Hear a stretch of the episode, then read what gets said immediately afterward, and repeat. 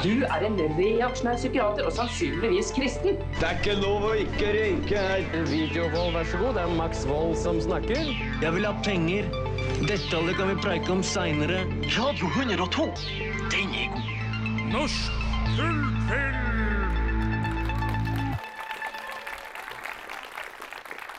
Tusen, tusen takk, og tusen takk for et bra oppmøte, altså. Damn. Jeg får ikke sitteplass engang.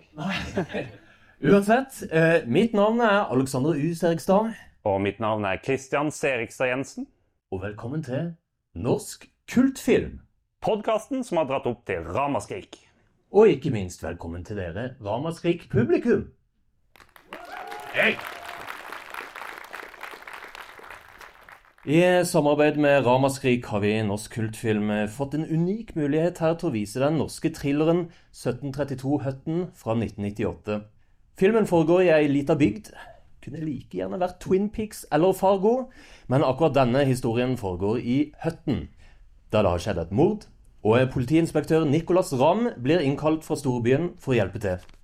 I tillegg til stilfullt foto av Philip Øgård og stemningsfull musikk av Kjetil Bjerkestrand og a-ha-syntist Magne Furuholmen, har filmen også et stjernegalleri uten like.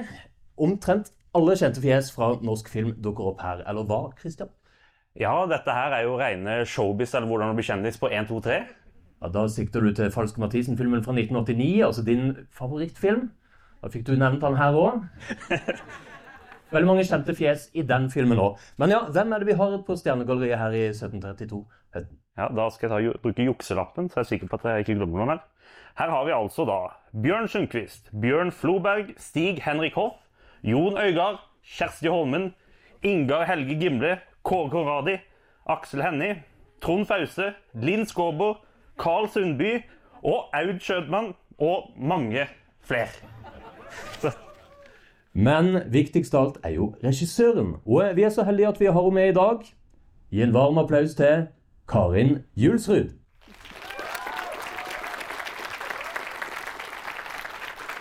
Og eh, Tusen takk. Før vi gir ordet videre til Karin, så må vi si at det blir livepodkast ute i foajeen klokka 14.15, der vi skal snakke med Karin om eh, filmen og, og karrieren hennes.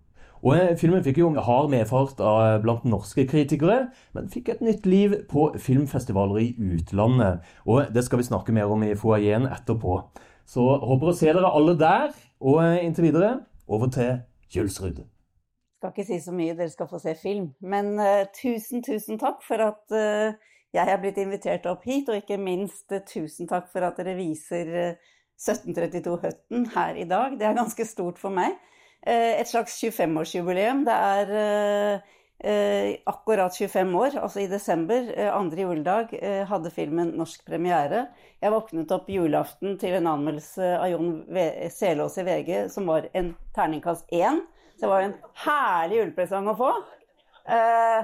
Nå har riktignok Selås ved mange senere anledninger beklaget den terningen. Og vi har egentlig vært enige om at vi skulle se denne filmen sammen i, i bakkant, så han hadde lovet å gi den en helt annen mottakelse. Hvis han fikk se den igjen. Han burde vært der nå. Eh, men uansett, eh, som du sa, så, så ble det litt hyggeligere når filmen begynte å reise utenlands, som vi skal komme tilbake til. Jeg skal ikke si eh, mye om filmen. For meg så er dette en film som er ganske universell. 1732 er et postnummer som ikke finnes. Det skal vi også snakke om senere. Eh, Det var grunnen til at filmen fikk den tittelen, fordi at for meg så er dette en universell historie som handler om mobbing, utenforskap, eh, og hva frykt og avmakt kan føre til av både kollektiv psykose, eh, bestialske handlinger og et blikk inn i menneskesinnet som ofte er både uforklarlig og ganske vanskelig å forstå. Det er eh, 1732 Høtten for meg. Det blir rart å se den igjen, det er lenge siden jeg har sett den også. Men jeg, ikke, jeg håper dere hører litt på samtalen vår etterpå. Så ønsker jeg dere bare en god filmopplevelse. Dette er en film jeg er veldig stolt av å ha laget.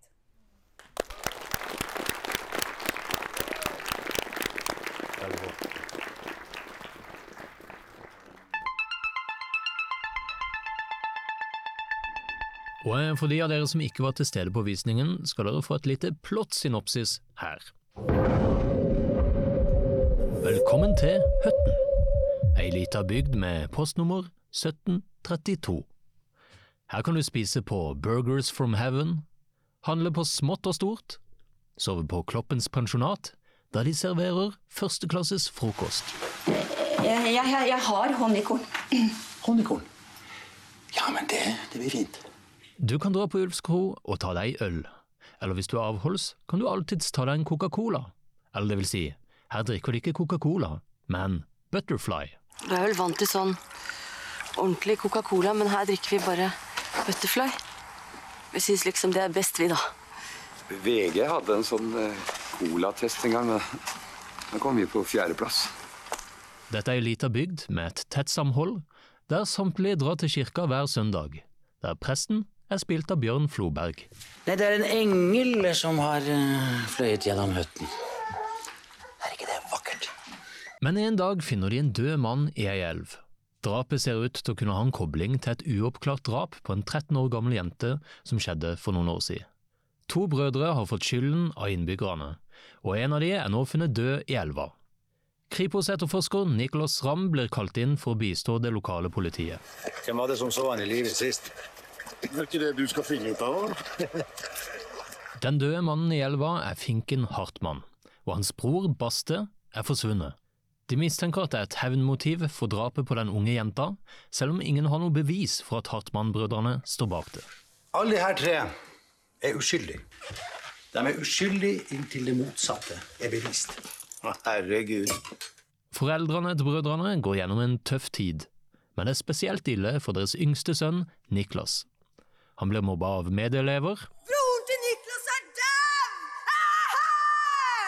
Og får også gjennomgå hardt av en lokal reggergjeng, med Aksel Hennie i spissen, med capsen på snei. Liker du familien din, Niklas? Hæ? Du veit hva Baste og Finken gjorde med hun jenta? Hæ?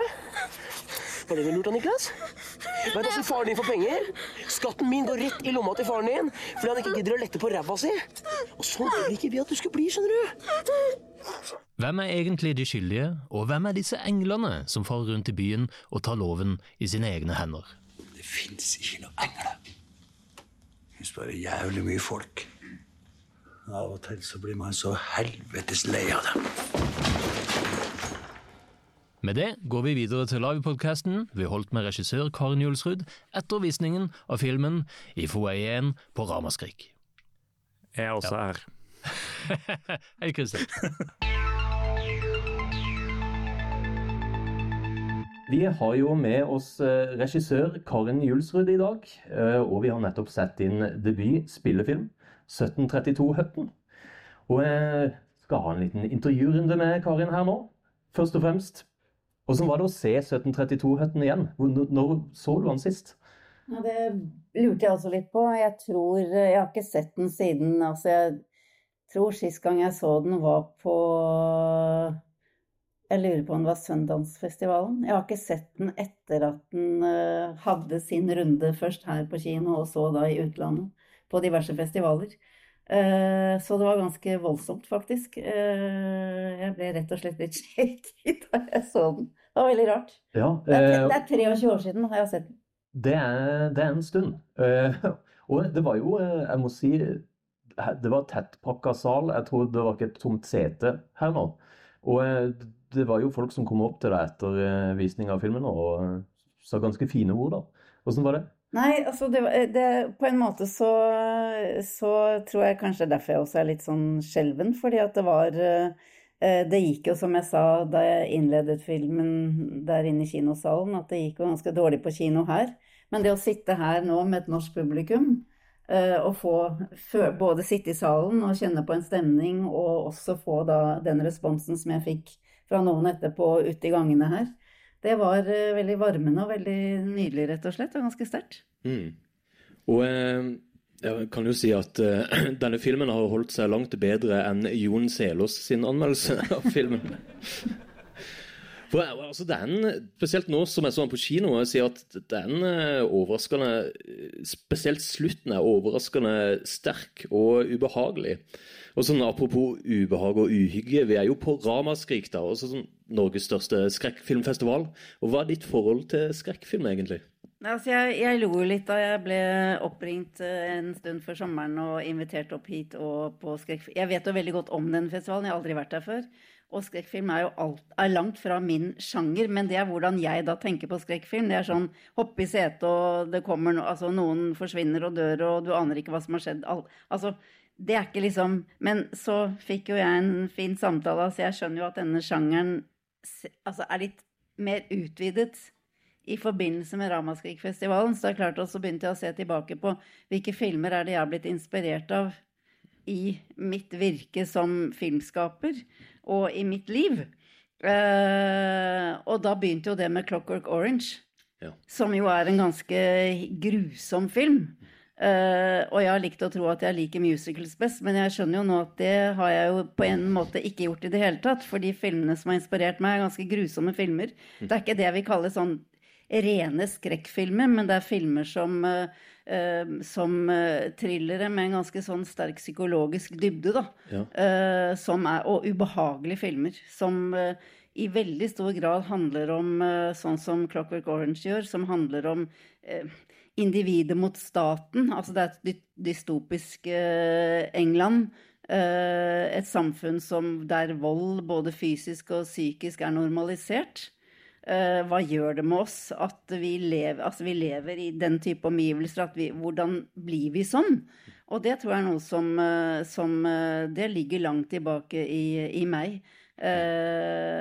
og mitt liv og et engasjement for akkurat den tematikken, da. Jeg studerte juss en gang i tiden. Da var jeg altfor ung og ble altfor rastløs og ville egentlig bli forsvarsadvokat for de unge kriminelle som hadde ramlet inn på noe de egentlig ikke skjønte selv hvorfor de hadde ramlet inn på, og ble dømt til uh, grusomme straffer. Og, hvorfor, og jeg ble opptatt av hvorfor har de gjort det de har gjort. Mm. Uh, det var liksom uh, Det var veldig viktig for meg den gangen, og det er det egentlig fortsatt. Mm. Har du flere thrillere eller mørkere filmer da, som du har vært inspirert av ved siden av Clockwork Orange? Altså Kubrick føler jeg nesten alltid har et sånn liten eh, snev av horror i seg, uansett hvilken sjanger han lager. Han klarer alltid vekke fram noe ubehag i eh, ulike scenarioer. Og Clockwork Orange gjør jo så absolutt det. Ja, det var, det var, vel den som Men altså, så er det andre. altså Like etterpå, eller året etterpå, så kom uh, 'Chinatown'. Det er jo en litt annen type film, men, uh, og kanskje den aller beste film noir-filmen som er laget noen gang. Men det handler jo om, handler om en gjeng med korrumperte politikere og politifolk, altså korrupsjon. Uh, og i det, i og med det, ondskap. Det er egentlig altså, det er min favorittfilm. Uh, jeg syns den er helt fantastisk. Og det, den har også det ubehaget, da. Og så har de jo senere filmer som Taxi Driver, Trainspotting, uh, og så kommer jo hele Lynch-universet. Som jeg selvfølgelig uh, Altså da Twin Peaks kom, altså først Blue Velvet og alle de andre filmene hans, og så kommer Twin Peaks i 90, var det vel? Mm. Og i den grad det var mulig å binche den gangen, så det var jo ikke mulig, men jeg prøvde allikevel. Satt bare og ventet på neste, altså ventet på neste episode. Uh, så, så, han er jo Altså Lynch sitt univers har jo uh, Det han holder på med, er jo å Han forvirrer deg. Han har ikke alltid løsning. Jeg, jeg, blir veldig fascinert av det. Altså Livet i seg selv er jo, som Lund sier, både forvirrende og ofte uforklarlig. Det kan være vakkert, voldsomt og vondt. Vi kan ikke alltid forklare alt. Det er jo noe av hans agenda. Alt skal ikke forklares. Hvorfor skal det forklares på film når det ikke kan forklares i virkeligheten? Og det, jeg liker veldig godt den, den, holdningen til livet. Vi trenger ikke alltid To pluss to er ikke alltid fire, da. Eh, som Nicolas Ramm eh, prøver å fortelle lille Niklas. Ja. Jeg må bare si òg Reidar Sørensen i 1732-høtten formidabel jobb. altså. Det ser ut som han har virkelig kost seg på eh, jobb i den rollen. Ja, det gjorde han. Uh, vi, hadde, altså, vi, hadde, det veldig det, var jo, altså, det er jo humor i filmen. Jeg husket ikke at det var såpass mye humor som jeg skjønte at det var nå. Men uh, han, han jo, er jo helt briljant i den rollen, og vi hadde det utrolig morsomt, rett og slett. Det mm. var en helt vanvittig gjeng med skuespillere. Og jeg skjønner nesten ikke i dag hvordan jeg turte å spørre alle sammen om de ville være med. det var, og det var også morsomt Aksel, Aksel sin første filmrolle. Ikke sant? Linn Skåbers første filmrolle, i den som kassadama. Mm. Altså, men vi hadde det veldig morsomt, og de har jo gjort eh, Altså, jeg syns jo det er noen skuespillerprestasjoner som er helt Ikke bare Reidar, men, eh, men også alle de andre, ikke minst eh, Gaute, da, som spiller eh, Mm. den 14 år gamle Niklas. Vi kommer litt mer inn på det senere, men vi kan spole litt tilbake. Eh, enkelte som er litt eldre enn meg, husker deg kanskje som programleder i Halv sju. Eh, og du hadde lang fartstid som både journalist og programleder på NRK før du debuterte som regissør. Eh, og 1732-Høtten var jo din debut som spillefilmregissør, men din første fiksjonfilm var kortfilmen En annen Anna fra 1994. Stemmer det? Det, det stemmer, det. Ja, og eh, Kan du fortelle litt om den? Altså det var, da hadde jeg Jeg gikk jo på eller Da jeg var ferdig med halv sju, jeg ble, syntes det var ganske slitsomt å være på skjermen. Eh, Så jeg ba pent etter et år om jeg kunne få komme meg bak istedenfor, og syntes at det var mye mer interessant. da.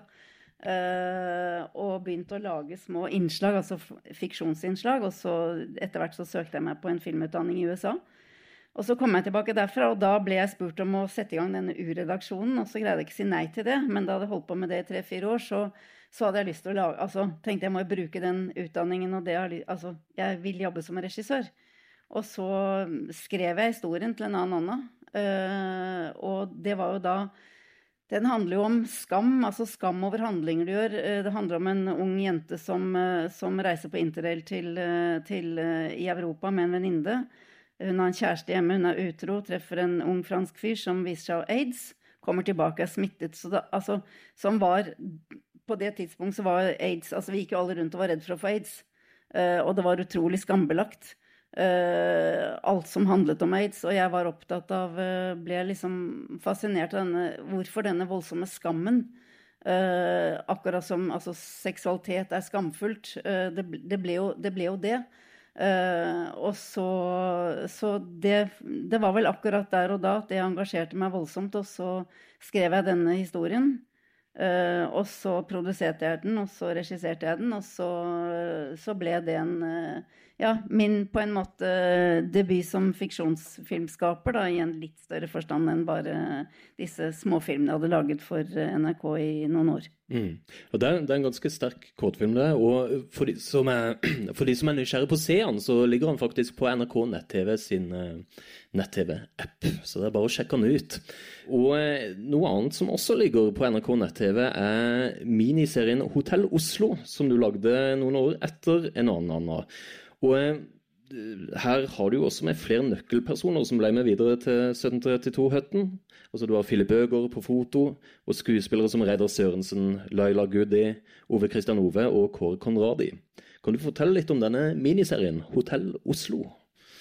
Ja, det var også en utrolig eh, morsom og sterk opplevelse. Fordi at eh, jeg hadde jo jobbet mye i NRK og visste at vi drev med Nordvisjons, altså var mye sånn Nordvisjon, som er et, et samband av de nordiske TV-stasjonene. Og man eh, kjøpte og solgte programmer av hverandre. Og så hadde jeg lyst til å tenke deg, hvorfor kan man ikke lage en serie som omhandler på en måte hele Norden?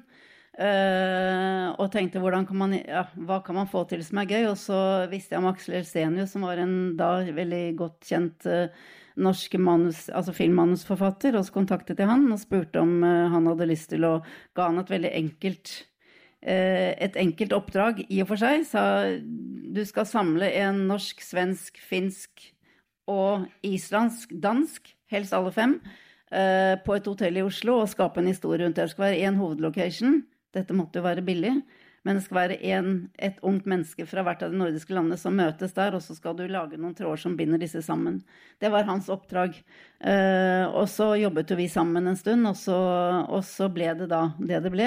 Og så ble det solgt inn til Nordvisjon. Eh, det litt morsomme var at eh, jeg prøvde først å selge det inn på et helt vanlig møte, og, jeg var ikke så, og så tenkte jeg nei, danskene er gode på å invitere til frokostseminarer med litt snaps. Altså, vi drikker litt. Så gjorde jeg det. Eh, og eh, på en tidlig morgenstund, og da hadde vi også kommet litt lenger på manus, og så ble det et nordisk prosjekt. Som var den gangen eh, unikt, fordi at eh, man hadde ikke lagd nordiske samproduksjoner på den måten før. Mm. Interessant, og den kan òg sjekkes ut på NRK nett-TV. Men vi kan jo bevege oss videre til 1732 Høtten. Og manuset ble jo skrevet av Kjetil Indregard, som da var 24 år gammel. Og hvordan var ditt første møte med dette manuset han hadde skrevet? Nei, Det var Tom Remlov som kom til meg med det manuset på vegne av norsk film. Eh, og han hadde da sett eh, Hotell Oslo eh, og ble begeistret for den. Og spurte om jeg kunne tenke meg å regissere en film basert på dette manuset.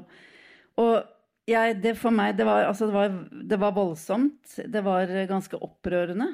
Uh, og jeg syns det var altså, intenst og utrolig godt skrevet. Jeg ble veldig fascinert. tenkte jeg, Skal jeg lage denne filmen? Men så tenkte jeg ved neste tanke at denne filmen tror jeg må lages av en kvinne. Uh, ellers så kan den bli veldig annerledes enn det jeg umiddelbart tenkte at denne filmen måtte og skulle bli. Uh, og så begynte Kjetil og jeg et samarbeid som var utrolig fruktbart, morsomt. Uh, og så, så, det var Det var et veldig sterkt manus å lese. Jeg likte det veldig godt. Uh, ja, jeg ble veldig sånn satt ut av det.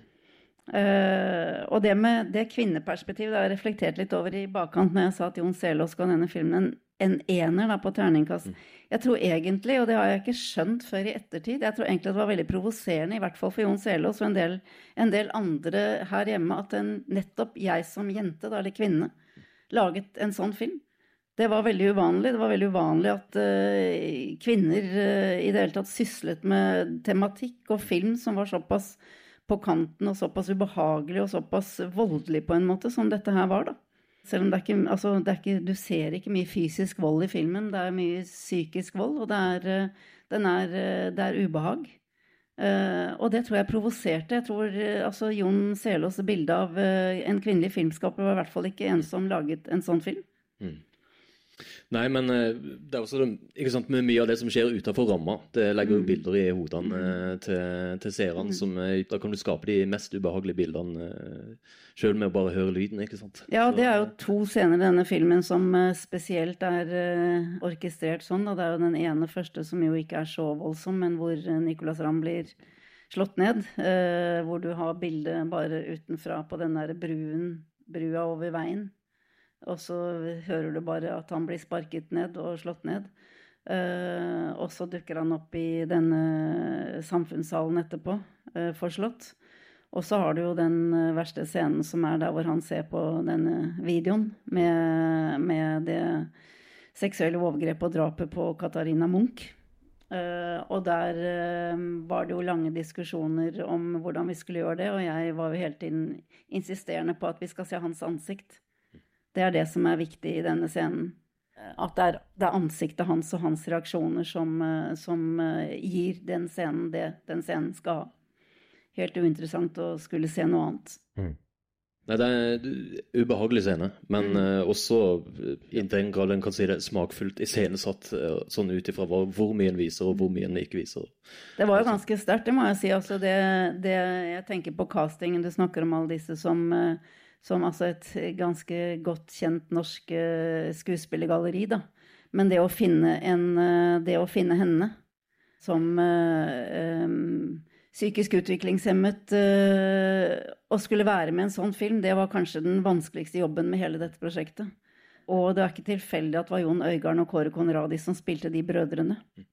Fordi at jeg måtte ha med meg det var jo, jeg, Vi jobbet med det kjempelenge. Jeg hadde også med meg Mattis Fyrst som regiassistent. Så Mattis og jeg og Kåre og Jon var jo hjemme hos familien hennes uh, flerfoldige ganger uh, og snakket med henne. Hun måtte være trygg i Det er jo et opptak. Selv om det er jo et opptak. Hun ligger på gulvet. Uh, hun blir løftet opp. hun skulle selv på en måte skjønne hvilken film hun var med på. Uh, og ikke minst foreldrene skulle skjønne hvilken film de da lot uh, datteren sin være med på. Uh, og Jon og Jeg kjente jo Jon og Kåre. Kåre kjente jeg godt fra Hotell Oslo, og Jon hadde jeg blitt kjent med. Og jeg visste at de var to personer som var i stand til å ta vare på henne da, i den situasjonen som hun skulle være med på i det filmopptaket. Så det brukte vi vanvittig mye tid på, og jeg syns fortsatt i dag at det er ganske voldsomt å se og vite og kjenne på uh, hva hun faktisk ble med på. Uh, ikke fordi at jeg på noen som helst måte angrer på det, men jeg tenker at det var tøft, og det var, det var ganske krevende. Ja, det kan jeg tro. Men jeg følte også at jeg, uh, kanskje nettopp fordi at jeg var den jeg var, og, og hadde jobbet mye med, med, unge mennesker, hadde jobbet mye med, med, også ungdom som ikke alltid liksom var der i livet de skulle og burde være. Så jeg følte selv at jeg hadde en ganske god eh, bagasje til å kunne håndtere en sånn situasjon. Eh, bare for å switche litt her. Eh, filmen har jo hatt eh, flere titler før du endte opp på 1732 Høtten bl.a. av 'Blodige engler' og postnummeret har et mareritt Nei, sorry. Marerittet har et postnummer. Ja. Hvorfor, hvordan endte dere opp på 1732-høyden? Nei, det, kan, det, er vel kanskje noe man heller kan angre på i etterkant, da. Uh, fordi at uh, Altså, manuset da Kjetil skrevet manuset Hans tittel var 'Blodige engler'. Og så syns jeg at det var så klisjéfylt. Uh, 'Blodige engler' altså var som, det, liksom, det, kan jo være en hvilken som helst uh, film. Uh, så jeg insisterte på at den må hete noe annet. og så kom jo Kjetil og jeg sammen frem til at Og så var det da Når du da begynner å rote inn i landskapet der, så kan du rote deg ganske langt bort. Og jeg var veldig opp... Altså, jeg er en litt opprørsk sjel, da. Eh, så jeg, og det var min første spillefilm. Jeg var sikker på at jeg hadde alle de gode løsningene. Jeg var litt for, litt for Jeg eh, hadde jobbet mye, så hadde jeg jobbet Det var egentlig første gang jeg jobbet ikke sant? Hotell Oslo hadde jeg også produsentansvar for. Eh, en annen Anne hadde jeg full kontroll på. Jeg hadde holdt på med U. Plutselig så var jeg omgitt av et team som egentlig skulle bestemme mye over meg. Det var jeg ikke vant til. Uh, og så var jeg da opprørsk og sa at nei, men dette er klisjéfylt, dette er dumt, vi må gjøre det på en annen måte. Uh, og var ikke ydmyk nok. Jeg ser det i etterkant. Jeg var veldig lite ydmyk i forhold til å lytte da, til de som faktisk hadde litt mer peiling på dette enn meg. Og det er ikke bare Jon Selås sin skyld at det gikk dårlig med denne filmen på kino. Uh, jeg må ta litt ansvaret selv også, fordi at jeg tror det var en dårlig valgt tittel. artworket var heller ikke optimalt. Uh, og filmen, da den kom til utlandet, så ble den jo faktisk hetende Bloody Angels. Uh, det fungerte veldig bra, uh, og den fikk et helt annet artwork som også fungerte utrolig mye bedre enn det norske. Men det var ideen da med dette 1732 Det var en god idé, altså en intellektuelt sett god idé, men det bare funket ikke kommersielt i det hele tatt. Men det var jo at 1732 vis, altså var et ubrukt postnummer, et postnummer som ikke fins. Uh, og vi, og, altså vi, Kjetil og jeg, insisterte veldig på at denne filmen, altså tematikken i denne filmen er universell. Kan skje med hvem som helst, hvor som helst. Uh, det har ikke noe å gjøre med by-land, det har ikke noe å gjøre med det lille stedet eller det lille stedet. Det kan skje i en liten bit av en storby, det kan skje på landsbygda, det kan skje overalt. Derfor så syns vi at det var veldig smart da, med dette, denne tittelen 1732-øten smart på papiret, men det viser seg ikke å være så veldig smart. For det er jo to steder i Norge eh, hvor eh, Høtten blir brukt. Eh, det ene er en barnehage, så er det en pub som heter Høtten. To steder? Ja, det... det... er i Nord-Norge et sted. Nå husker jeg ikke nøyaktig hvor. Ikke nøyaktig hvor det er. Men du finner det på Google Maps. Det visste jeg ikke. Men for så det var ikke noe bestemt geografisk sted i Norge det Nei, det var helt vitsen at ikke det skulle være det så ser jo en altså, nå, altså er jo veldig, altså, type, Det er veldig karikert av veldig mye av det som uh, Altså karakterene, måten de snakker på, måten de er kledd på. Uh, og langt utover det du egentlig, i hvert fall den gangen, fant noe sted. Og det var også litt av poenget, på en måte. Nettopp å fjerne det. Fjerne hele universet fra et spesifikt sted men uh, sette det på spissen på en måte, da. Uh, som gjorde at du kunne Og det, det, Jeg vet ikke når jeg ser det nå, så uh, jeg liker det, men jeg er ikke, heller ikke sikker på om det, om det var et riktig grep. Jeg må jo si det er jo eh, Jeg liker mye av universet dere har skapt der med den hytten. Altså, dere har liksom Butterfly Cola, det er vel det Heaven Burgers, og det er liksom eh, Kloppen kro borti der. Det er et sånn eget univers dere har skapt med veldig mye detaljer som er planta inn eh, rundt der. Det gir jo filmen eh, ekstra liv, syns jeg, da. Ja, det synes jeg, jeg digger jo det universet. Altså, jeg digger det vi har skapt som univers. Mm. Jeg syns det er ganske kult. Men, men eh, om liksom det hindret filmen i å nå Eller det, det er jeg usikker på, da. Men, eh, men det hindret i hvert fall tilgjengeligheten til filmen her hjemme. Men ikke ute, da. Men eh, dere starta jo opptakene i eh, Nittedal. Hvorfor valgte dere akkurat det stedet? Det var Philip Øgård, fotografen, og jeg som bare satt oss i en bil og tenkte vi må, altså vi må bare finne et sted vi kan skyte denne filmen. Og så kjørte vi bare rundt, litt sånn i Ørska. Rundt i Oslo, rundt i, i nærheten av Oslo. Og så kjørte vi utover i Nittedal, og så var det Jeg husker ikke om han eller jeg som bare sa det gikk en vei opp til venstre, kjør opp der. Uh, og så kom vi bare til akkurat det dere ser i filmen, hvor, vi, hvor det er en jernbaneovergang, og så ligger det en butikk. Og så ligger den også bare stopp bilen, og så gikk vi ut der, og så var på en måte uh, de husene Altså alt vi trengte til den filmen av locations, lå rundt den jernbaneovergangen og de par husene som lå der. Eh, det eneste som ikke var der, var den der Burgers from Heaven. Den viser å ligge like inn i skogen, ikke så langt unna. Så det var egentlig bare vi som kjørte rundt, og så finner vi et veikryss som, eh, som vi tenkte at her kan vi skyte den filmen. Det er nær, nært nok til Oslo at vi kan dra frem og tilbake. Og vi, det veikrysset var eh, bare som et eh, Det var som å finne gull, på en måte. Det var eh, Vi trengte jo ikke gjøre noen ting.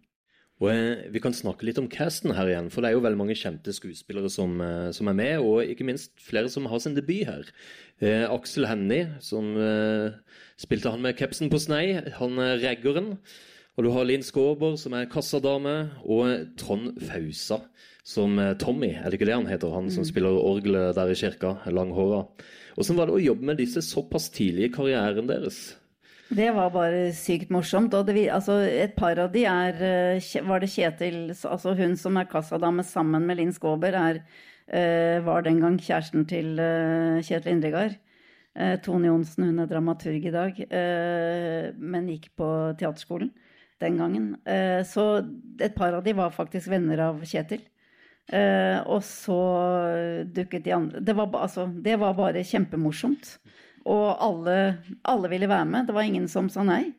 Det var også veldig overraskende. Da. Det var, eh, eh, følte at jeg bare kunne gå rundt og plukke. Eh, og det var jo en helt vanvittig opplevelse. At vi fikk med akkurat de vi ville ha med i absolutt alle roller.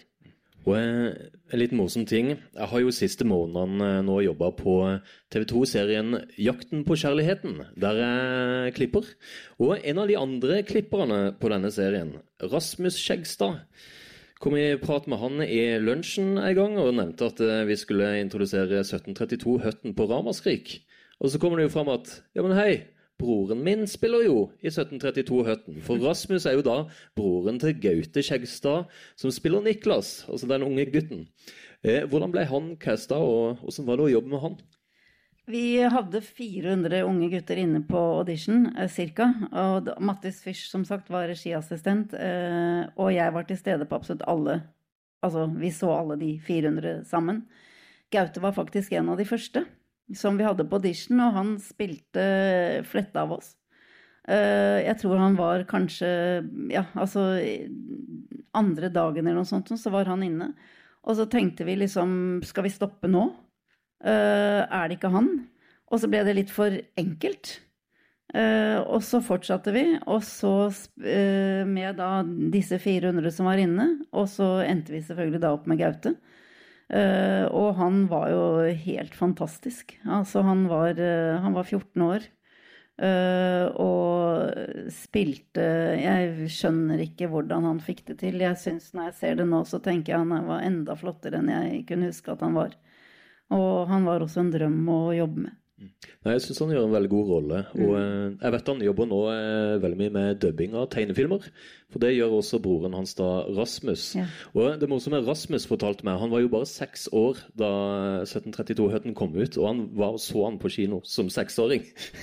Det var litt voldsomt. Og eh, han fortalte meg at han syntes det var skikkelig fælt å se storebroren sin bli mobba på film. det, det var liksom det minnet han hadde av den filmen. Så det er litt morsomt. Men eh, apropos eh, folk som har dubba mye tegnefilm. Trond Brenne har jo en eh, rolle her. Mm. Han er jo, kan jo kjenne han som eh, Mummitrollet i Mummidalen bl.a. Eh, hvordan var det å jobbe med han? Det var altså Jeg kan ikke huske noe annet enn at det var Det også var eh, Han spiller jo da med Elisabeth Sand som, eh, som eh, det paret, da, som er foreldrene til Katarina Munch, og det var også bare fint. Eh, Den jeg Altså Og lett. eh, Utrolig nok. Eh, Jeg følte på en eller annen måte at alle som var med på den filmen, altså, ja de, de var liksom veldig med på hvorfor vi laget den, hvorfor vi laget den sånn som vi gjorde. Uh, hvorfor såpass mye var satt på spissen. Og det var egentlig aldri noen diskusjoner blant, altså mellom meg og skuespillerne på hvilken retning vi skulle gå, eller uh, hvorfor vi skulle ta det dit vi tok det. Så han, som alle de andre Det eneste jeg husker jeg hadde sånn, litt sånn angst for, det var jo Bjørn Floberg. Uh, som jeg hadde visst om og kjente litt til fra før av, og liksom hvordan han skulle takle denne presterollen.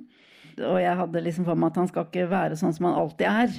Og var usikker på hvordan han Han var den eneste jeg var usikker på om vi ja, om likte å gjøre det vi gjorde da, om han ville like det, om han ville liksom være med på det. Uh, men han elsket jo den uh, dumme prestekarakteren han skulle spille, så med den lille hunden, så han Hunden Matteus. Veldig morsomt. Lille Matteus, ja. Ja. Men eh, vi må jo også snakke om eh, Philip Øgård, som står for eh, stilfulle foto i filmen. Hvordan var det å jobbe med han? Brukte dere mye storyboards? De virker veldig sånn gjennomtenkte, disse utsnittene. Ja, litt storyboard. Uh, nå hadde jeg jobbet med Philip uh, Altså da jeg skulle gjøre den En annen Anna, så hadde jo jeg uh, Jeg hadde jo ingen erfaring. og tenkte hvordan skal jeg få til dette? Jeg må ha en flink fotograf. Jeg kan Jeg tror at det jeg kunne, var å jobbe med, altså med skuespillere, da, med, men jeg kunne jo ikke så veldig mye annet. Selv om da jeg gikk på filmskolen i USA, så var det, et sånn, det var en skole hvor du kunne velge kurs du tok. Det var sånn tremånederskurs. Og da jobbet jeg, da tok jeg bare kurs innenfor lyd, foto og klipp. Og altså alle de, de jeg visste jeg, for å forstå litt av hvem jeg skulle jobbe med senere, og hva, hva som var viktig for dem, da.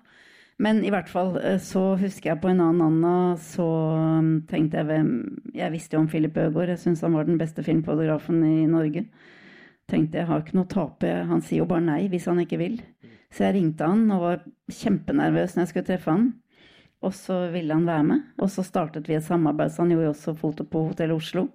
Og det var jo en fire timers eh, TV-serie, så det var jo en tre måneders opptak, så jeg hadde liksom mye erfaring med å jobbe med han.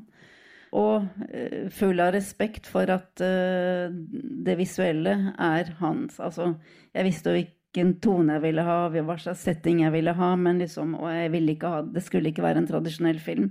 Så, men full av ydmykhet da, i forhold til hans fagkunnskap og hvordan han var som fotograf. Så vi lagde ikke mange, mye storyboards, det var noe, men mest så gikk vi gjennom hver scene. Og jeg sa hva jeg ville at den scenen skulle være, og så skrev han. Vi satt og egentlig lagde et eh, langt eh, skriftlig notat sammen, eh, som han førte i pennen. Og det var utgangspunkt for, for bildene i denne filmen. Nettopp.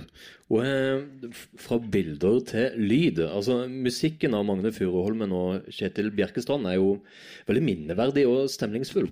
Hvordan var det å jobbe med de? Nei, det var jo Nå føler jeg at jeg sitter og sier at alt var fantastisk, og det var det faktisk. men, men, eh, men igjen, da, så er det noe med at eh, de var også med på Hotell Oslo. Det var det samme som skjedde. Jeg visste, altså a-ha visste jeg selvfølgelig om, jeg visste om Magne Furuholm, jeg hadde også visste godt om Kjetil Bjerkestrand. Eh, og tenkte at igjen, jeg har ikke noe å tape. Det er bare å ta en telefon og høre om de vil være med. Og så møttes vi, og så eh, ble de med på Hotell Oslo. De fikk også pris for den musikken de lagde til Hotell Oslo. Har de vunnet priser for. Og det som var så gøy med å jobbe med den, og jeg er veldig opptatt av lyd i film, da. Det er derfor jeg elsker David Lynch, for han er vel nesten den eneste jeg vet om som Han lager jo et lydbilde i filmene sine som uh, lever sitt eget liv. Samtidig som de forsterker filmens egentlige både visuelle og altså budskapet også innholdsmessig og visuelt. Men uh, den måten vi jobbet på, vi, uh, det var jo at de fikk fritt spillerom av meg til egentlig å lage Altså jeg Igjen, du snakker om hva du vil med denne filmen. Uh, så fikk de ganske fritt spillerom til å lage akkurat det de ville. Og så fikk jeg fritt spillerom til å bruke det som jeg ville. Så det var en veldig sånn Det var ikke sånn denne scenen her er dere denne scenen, lag, altså lag, komponer noe til den. Det var dette er den filmen jeg vil lage. Bare sett i gang og skap musikk. Uh, og så satt vi selvfølgelig til slutt da, i miksekinoen ute på Norsk Film på Jar. Og det var der liksom lyden og musikken og filmen, egentlig den siste delen av filmen, ble skapt.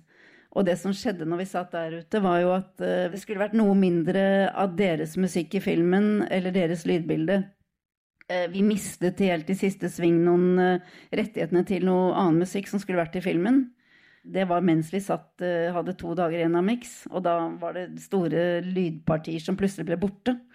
Og da var det Magne bare sa 'kom igjen', og så drar vi. Vi dro ut da på butikkene på ja, kjøpte to flasker hvitvin, gikk tilbake til miksestudio og sa 'ok, nå lager vi ny musikk her'. Og så satt vi bare og hadde det fryktelig morsomt utover natten. Og så bare la vi liksom musikken inn i, inn i filmen og ja, brukte den. Men det var et ganske kreativt, morsomt. Men igjen, da, så er det noe med at uh, jeg kunne mine ting. De kunne sine ting, akkurat som Philip kunne sine ting. Det er noe med å liksom stole på at du gjør den jobben, for det er du best på. Det er definitivt ikke noe jeg kan så mye om. Uh, så det var litt den, den måten å jobbe på. De skulle ikke tvinges inn i noe som var mitt univers. De skulle egentlig skape noe eget. Mm. Som de også gjorde til Hotell Oslo. Plutselig så kom de trekkende med Anneli Drecker og Freddy Wadling fra Sverige og lagde noen vokalstrekk på en del av Hotell Oslo som er Jeg kan høre på det i dag, og jeg blir helt slått ut. Det er sinnssykt flott. Uh, og de var jo da med på å heve den serien veldig fra det den ville vært uten deres uh, musikalske bidrag. Og det samme med denne filmen her. Ja, jeg må si det er veldig unikt uh, soundtrack. Det er liksom avantgarde-versjon av When the Saints, og mm. de har vel en termin inni der også. Altså dette instrumentet du hørte mye i sånn 50, 50-talls skrekkfilmer, science fiction-filmer. Det gir en spesiell stemning. Men eh, vi var litt inn på det tidligere, men eh, henter du inspirasjon fra andre filmer eller TV-serier til, til Høtten?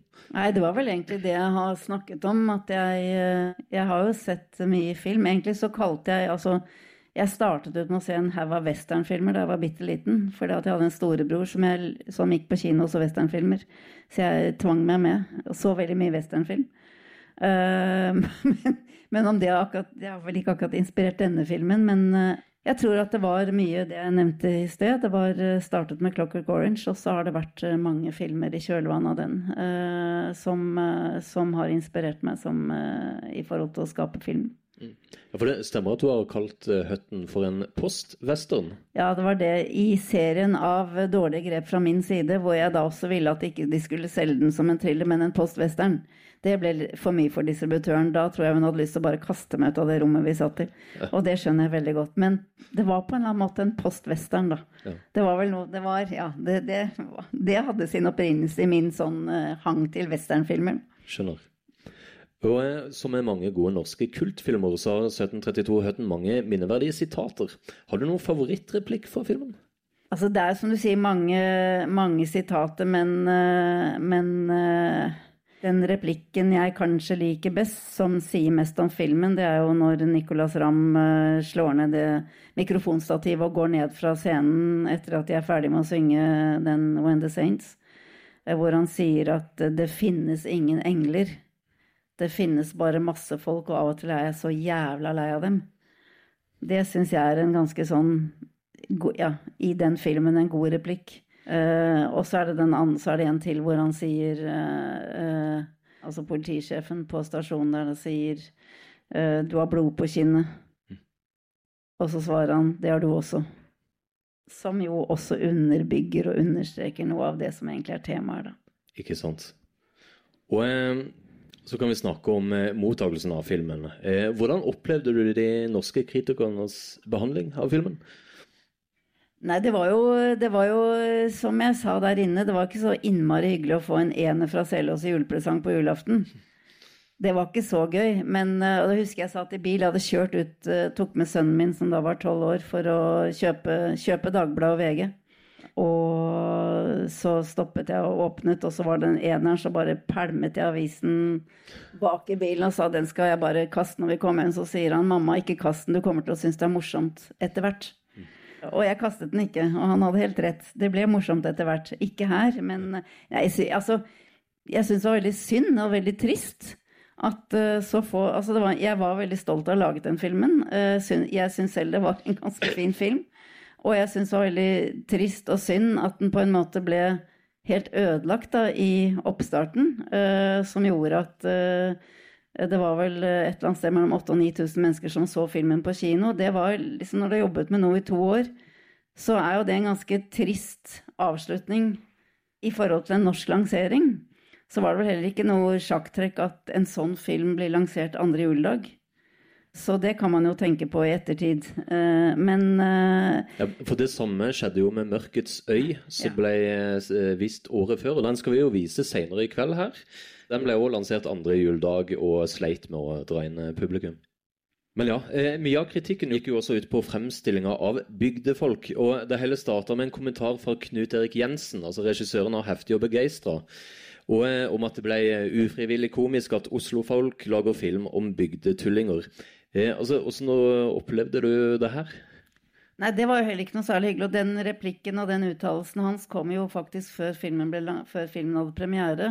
Og jeg husker at jeg ble intervjuet av Dagbladet, eh, sånn slags portrettintervju, i oppstarten, altså lanseringsperioden. Og da jeg møtte en journalisten, så, og jeg er selv utdannet journalist, så jeg vet jo akkurat hvordan sånne situasjoner er, bare fra den andre siden. Uh, og jeg opplevde at uh, han hadde bestemt seg på forhånd uh, for at denne filmen skulle han ikke like. Han skulle ikke like meg som regissør. Og uansett hvordan jeg prøvde å vende samtalen over på det filmen faktisk handlet om, og det som var mitt budskap og mitt hjerte da i denne filmen, det var akkurat som jeg snakket til teflon. Altså, det nådde ikke gjennom. Og jeg husker jeg var ferdig med det intervjuet, så gikk jeg til produsenten og sa at dette kommer til å gå skikkelig dårlig. Uh, det var det første intervjuet som kom ut. Uh, og jeg skjønte at vi hadde på en eller annen måte tapt før vi hadde startet. Det var en veldig merkelig, veldig sterk og merkelig følelse. Og mm, da kom også Jeg vet ikke, det tenkte jeg ikke så mye på da, men det tenkte jeg også på i ettertid. Da kom også det der kvinneperspektivet inn i bildet hvor jeg følte at uh, det var vanskelig å bli tatt på alvor som kvinne uh, å stå bak en sånn film. Men eh, For jeg har bladd gjennom kronologisk mange av avisartiklene som kom, og det virker som etter den, det sitatet der, så var det det alle ja. Nesten hver eneste artikkel handla om ja. Oi, fremstiller bygdefolk som tullinger. og det er sånn, De gjorde veldig stort poeng ut av det, men ser du filmen nå, så er det sånn ja, ja, det er, en, det er en bygd, det er et rart sted, det er snodige karakterer der, men det er liksom å basere hele kritikken på filmen bare på det føles litt tynt. Ja, det var og utrolig frustrerende. Ja, det kan jeg tro. Altså, det var sinnssykt At alle skal snakke om det hele tida. Altså, det, liksom... sånn, det, var en sånn følelse av helt sånn avmakt. Jeg kommer ikke gjennom, jeg når ikke gjennom. Eh, så det var en ganske dårlig følelse, som jo da heldigvis snudde etter hvert. Ja. Men eh, dette kan òg være prega av at også 'Mørkets øy' og Selofan med døden til følge' eh, også ble kritisert for å ha fremstilt bygdefolk som, eh, som rare idioter. Så ja, det var tydeligvis i vinden. Men ja, filmen hadde jo premiere andre juledag, og det var også kinosjefen i Fredrikstad som nekta å sette den opp, siden de hadde hatt problemer med å trekke publikum med 'Mørkets øy' romjula året før.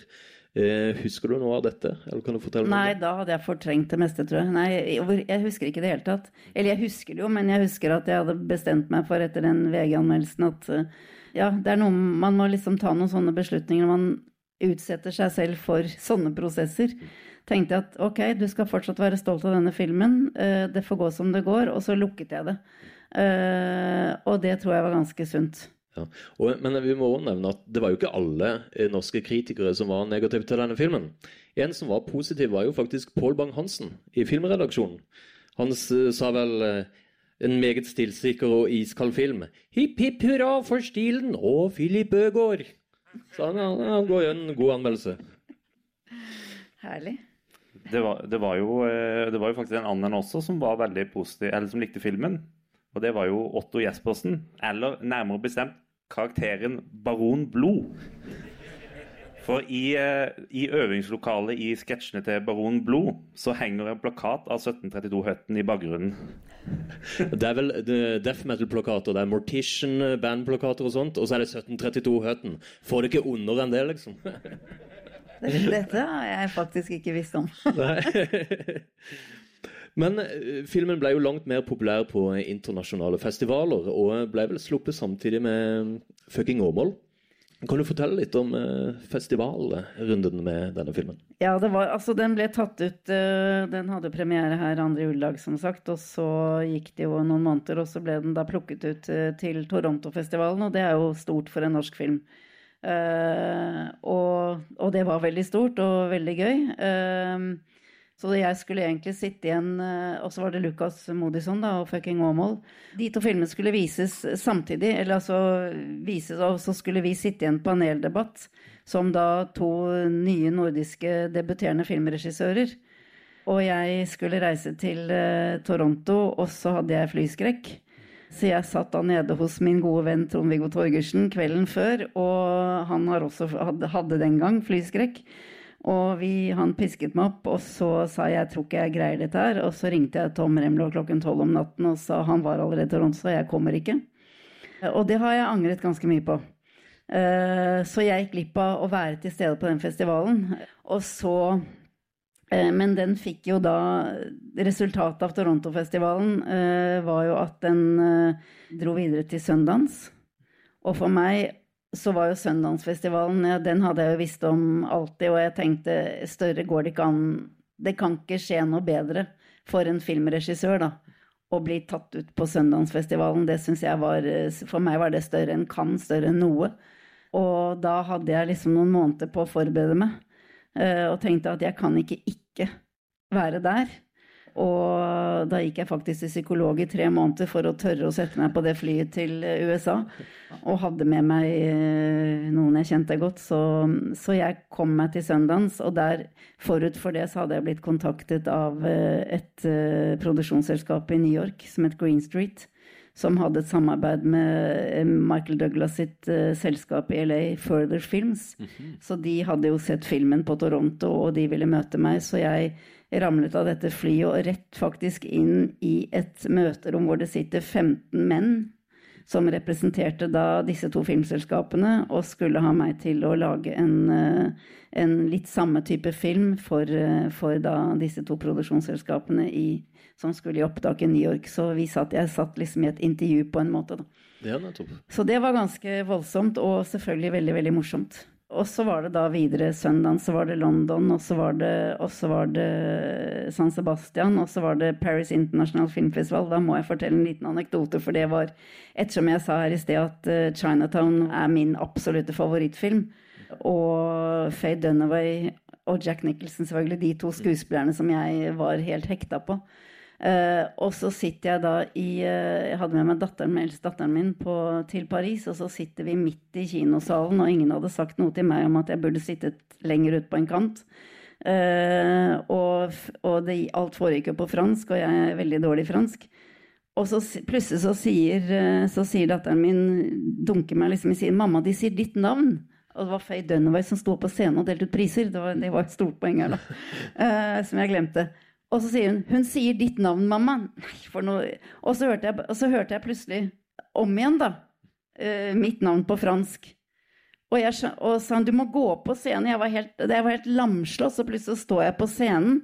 Og da hadde jeg fått da Special Mention-pris fra juryen uh, for filmen. Og med da overrekkelse av et Eiffeltårn i gull av Faye Dunaway. Mm. Så jeg var Jeg kom opp på scenen, og jeg, hun stilte meg noen spørsmål uh, på fransk. Jeg svarte et eller annet på engelsk, og jeg svarte overhodet ikke på spørsmålene hennes. Jeg, begynte, jeg husker jeg bare begynte å bable. Uh, sånn at hun måtte liksom bryte meg av. Uh, og liksom litt pent be meg kanskje gå ned, da, for nå skulle neste post på programmet skje. Altså, det var den mest bisarre opplevelsen jeg har vært med på noen gang. Så det var jo ja, en morsom liten historie på veien med denne filmen. da. Fint plaster på såret for uh, Det var ikke så verst å få overrakt et Eiffeltårn i gull av selveste Faye Dunaway, nei. Nei. Det var ganske morsomt.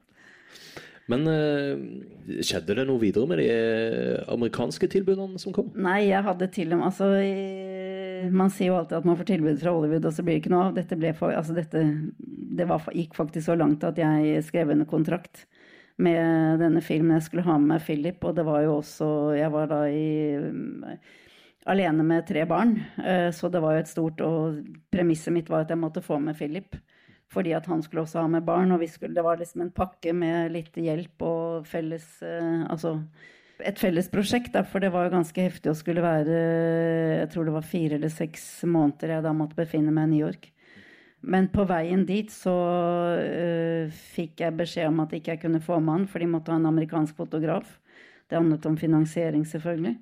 Så jeg måtte faktisk si fra meg det prosjektet, og det var, det var litt uh, vondt. Den ser jeg. Ja, Men... Ble det noe av den filmen? Uh, vet du om Den ble laget, ja. Hvilken Men jeg har ikke Nei, vet du hva, jeg husker ikke engang hva den het. Nei? Eh, Den ble laget med ny tittel, eh, og det var noen år etterpå. Riktig. Men eh, kan du fortelle litt om denne tida etter 1732-høtten, da du gikk mer over i rollen som produsent i selskapet Fire og en halv? Der var du jo produsent på filmer som eh, Reprise og eh, Kongen og Bastøy. Ja, det var altså Det har jeg lyst til å si eh, noe om, og det handler igjen om å være kvinne og jobbe med film. Eh, bare for hvis jeg kan få lov til å dvele litt ved det, fordi at jeg ikke fikk gjort den jobben i USA. Jeg fikk også tilbud fra Sentropa i, i, i kjølvannet av USA, mm, det USA-prosjektet. om å skyte De skulle lage noe som de kalte for chillers, ikke thrillers, men chillers. En, eh, en eh, sånn trilogi. Og jeg fikk eh, spørsmål om jeg ville lage en av de filmene, som også var et veldig morsomt prosjekt. Det skulle være opptak i Irland. Men i løpet av hele den prosessen, først det som skjedde i USA, og dette jeg var frem og tilbake og hadde samtaler med Sentropa, så, så gikk det opp for meg at det å være regissør alene med tre barn, det var faktisk ikke mulig å, å få til å henge sammen. Og da blir det et valg, og jeg, det var ikke et vanskelig valg. Da velger du. Eh, så jeg tenkte at eh, jeg måtte legge den regikarrieren på hylla, rett og slett. Eh, og finne på noe annet som gjorde det mulig for meg å kombinere et liv med de jeg var glad i, og et liv som, som handlet om å jobbe i filmbransjen. Og da var det veldig Det var ikke noe vanskelig å ta den avgjørelsen, og da jobbet jeg faktisk først i selskapet Paradox. Eh, var heldig og fikk lov til å Jeg hadde også produsert noen film tidligere. Eh, Så det var veldig nærliggende for meg å, å bli produsent. Og først var jeg Paradox, og så hadde jeg en eh, tre og et halvt års periode i Norsk Filmfond som spillefilmkonsulent. Og når jeg var ferdig med det, så gikk jeg til fire og en halv. Og på veien dit da hadde jeg med meg reprise inn i fire og en halv fordi at Joakim uh, Trier og Eskil Fugt hadde tatt kontakt med meg da jeg var konsulent. De ville bare ha en eh, De ville spurte om jeg kunne lese et filmmanus. Ikke som konsulent, men som meg. Uh, De ville bare ha en uh, Og de søkte ikke penger. De bare ville ha meg til å lese det manuset. Og jeg husker jeg traff dem på kafé, og jeg syntes det var et helt vanvittig morsomt manus. Og utrolig velskrevet, og det sa jeg også til dem, og de hadde fått diverse andre tilbakemeldinger. Så det var det første møtet med dem, og så gikk det noen måneder, og jeg var ferdig i Filmfondet, hadde en sånn karanteneperiode, og så i den karanteneperioden så ringte de tilbake. Spurte om jeg kunne tenke meg å produsere filmen. Og da eh, hadde jeg fortsatt karantene, så vi måtte vente, og så gikk jeg inn i fire og en halv, og med det prosjektet. Og det var jo eh, gøy å produsere hans første spillefilm. Og ganske vanskelig. Det kan jeg tro. Og eh, det har gått eh, bra med trier, for å si det sånn. Det har gått veldig bra med trier, ja. Så det er kult å bidra til starten der. Ja. Men eh, eh, hva jobber du med nå? Nei, nå, jeg var jo mange år i fire og en halv, og så ble jeg endte jeg opp som leder av har jeg vært, var jeg i fire og et halvt, fem år, eh, dekan på Den norske filmskolen. Eh, det var jeg ferdig med for eh, halvannet år siden. Og så har jeg da i etterkant uh, hatt en sånn et, jeg hadde et etterår da, hvor jeg jobbet med en del prosjekter knyttet til filmskolen. Jeg er fortsatt uh, noe så som heter noe så feiende flott som professor emerita tilknyttet Den norske filmskolen. Jeg ble professor i film på mine gamle dager, skjønner du. Ja, ja, ja. ja uh, det var veldig morsomt, for da måtte jeg gå sånn down the memory lane. Og ja, når du søker om det, så må du skrive en svær søknad, nesten som en bok. Og da fikk jeg Det er jo grunnen til at jeg plutselig Det er bare et år siden. Så da husket, fikk jeg liksom hentet opp veldig mye av den historikken vi har sittet og snakket om her, da. Men eh, jeg jobber med prosjekter fortsatt som er tilknyttet filmskolen. Og så eh, skriver jeg en del. Jeg tror ikke jeg skal produsere noen store filmer igjen. Eh, jeg tror jeg er ferdig med det. Men nå er jeg på en måte meg selv, uavhengig, og jobber med de jobbe med de menneskene jeg har lyst til å jobbe med, og med de tingene jeg har lyst til å jobbe med. Og det er uh, mer enn nok. Mm. Eh, ja, da eh, skal vi avslutte med et siste spørsmål. For vi i Norsk Kultfilm er jo på stadig jakt etter skjulte filmskatter i norsk film. Har du noe å anbefale?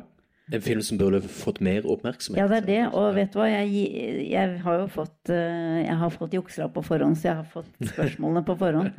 Men, men eh, jeg gikk faktisk gjennom eh, alle norske filmer som har blitt vist på kino, etter at jeg fikk det spørsmålet fra dere. Yes. Og for å se om jeg syns det var noen som ikke har blitt sett nok, eller det er fristende å trekke fram én film, men så er det helt feil, selvfølgelig, fordi at jeg har produsert den selv. og, og, det er uh, Mona Fastvold som lagde Ture Øversen og jeg som lagde en uh, amerikansk koproduksjon. En film som het 'Søvningeren', 'Sleepwalker'. Som, uh, som, jo hadde Altså, den er gjort på, på engelsk, amerikansk, med engelsk tittel. Men den er jo en norsk film fordi at den, den er laget av en norsk regissør som riktignok bodde i LA. Nei, i eh, New York. Men eh, den filmen fikk ikke mye oppmerksomhet på norske kinoer. Den ble også plukket ut i internasjonalt program i Sundance. Og fikk veldig gode anmeldelser der. Men det er en Så har jeg lurt også på også, Apropos soundtrack. Det er Sondre Lerche som har skrevet uh, musikken til den filmen, og det er helt fantastisk.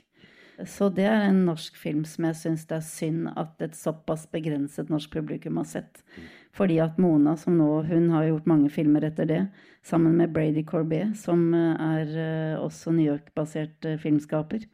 Sist var de på Venezia med den siste filmen sin. Dette var Monas debutfilm. Også en ganske ubehagelig Det er jo i, landskapet vi sitter her i nå, da. Ganske ubehagelig film om to søstre som ser virkeligheten fra to helt forskjellige ståsted, og er i et Den er gjort i et hus i en, på én location i Massachusetts. Jeg er veldig fascinert av én location og masse som skjer et sted. Jeg syns det er veldig Altså å lage sånne kammerdramaer, eh, nærmest, inni trange, trange locations, det syns jeg er ganske spennende.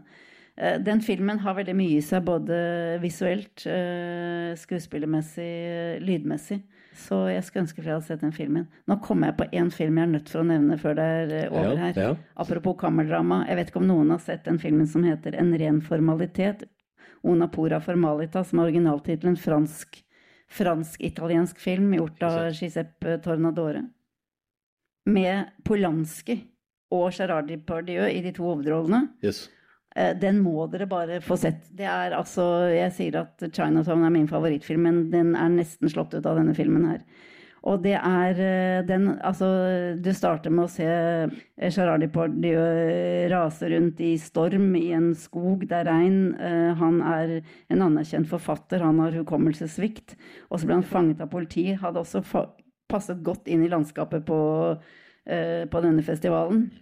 Eh, da er begått et mord, eh, og han blir pælma inn på en politistasjon som ligger eh, in the middle of nowhere. Det regner fra taket. Der sitter Polanski som politisjefen på denne politistasjonen. Og så er det altså en samtale. Hele filmen er nærmest en samtale mellom de to.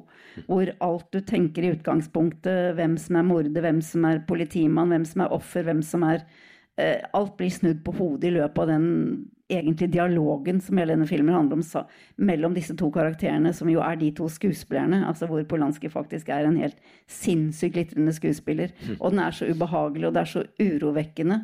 Uh, og det er så uh, Som egentlig Lynch snakker om, den er Det fins egentlig ikke en helt ordentlig forklaring på hva denne historien og denne filmen ender med. Men du bare går ut med en følelse av at du har sett noe som er helt unikt og helt annerledes enn noe du har sett før. Så den filmen, en ren formalitet, den er vanskelig å finne, men finn den. Høres lovende ut. Tusen takk for eh, tips, Karin. Vi er vel litt på overtid nå, men helt til slutt må vi også nevne at eh, Christer Falk har jo starta prosjektet Norske filmklassikere. Og de har også nå lansert en bokserie hvor det jobbes med å skrive en bok om 1732-høtten. Og vi vil jo oppfordre alle til å gå inn og bidra til ikke bare boka om 1732-høtten, men også de som skrives om fritt vilt og villmark. Vi håper det blir bokutgivelse der, og så må vi si tusen takk for at du tok deg turen, Karin. Og tusen takk for en fantastisk gjensyn med 1732 Høtten. Jeg må si det var en intens opplevelse å se på, på kino. Så tusen takk. Tusen takk skal dere ha.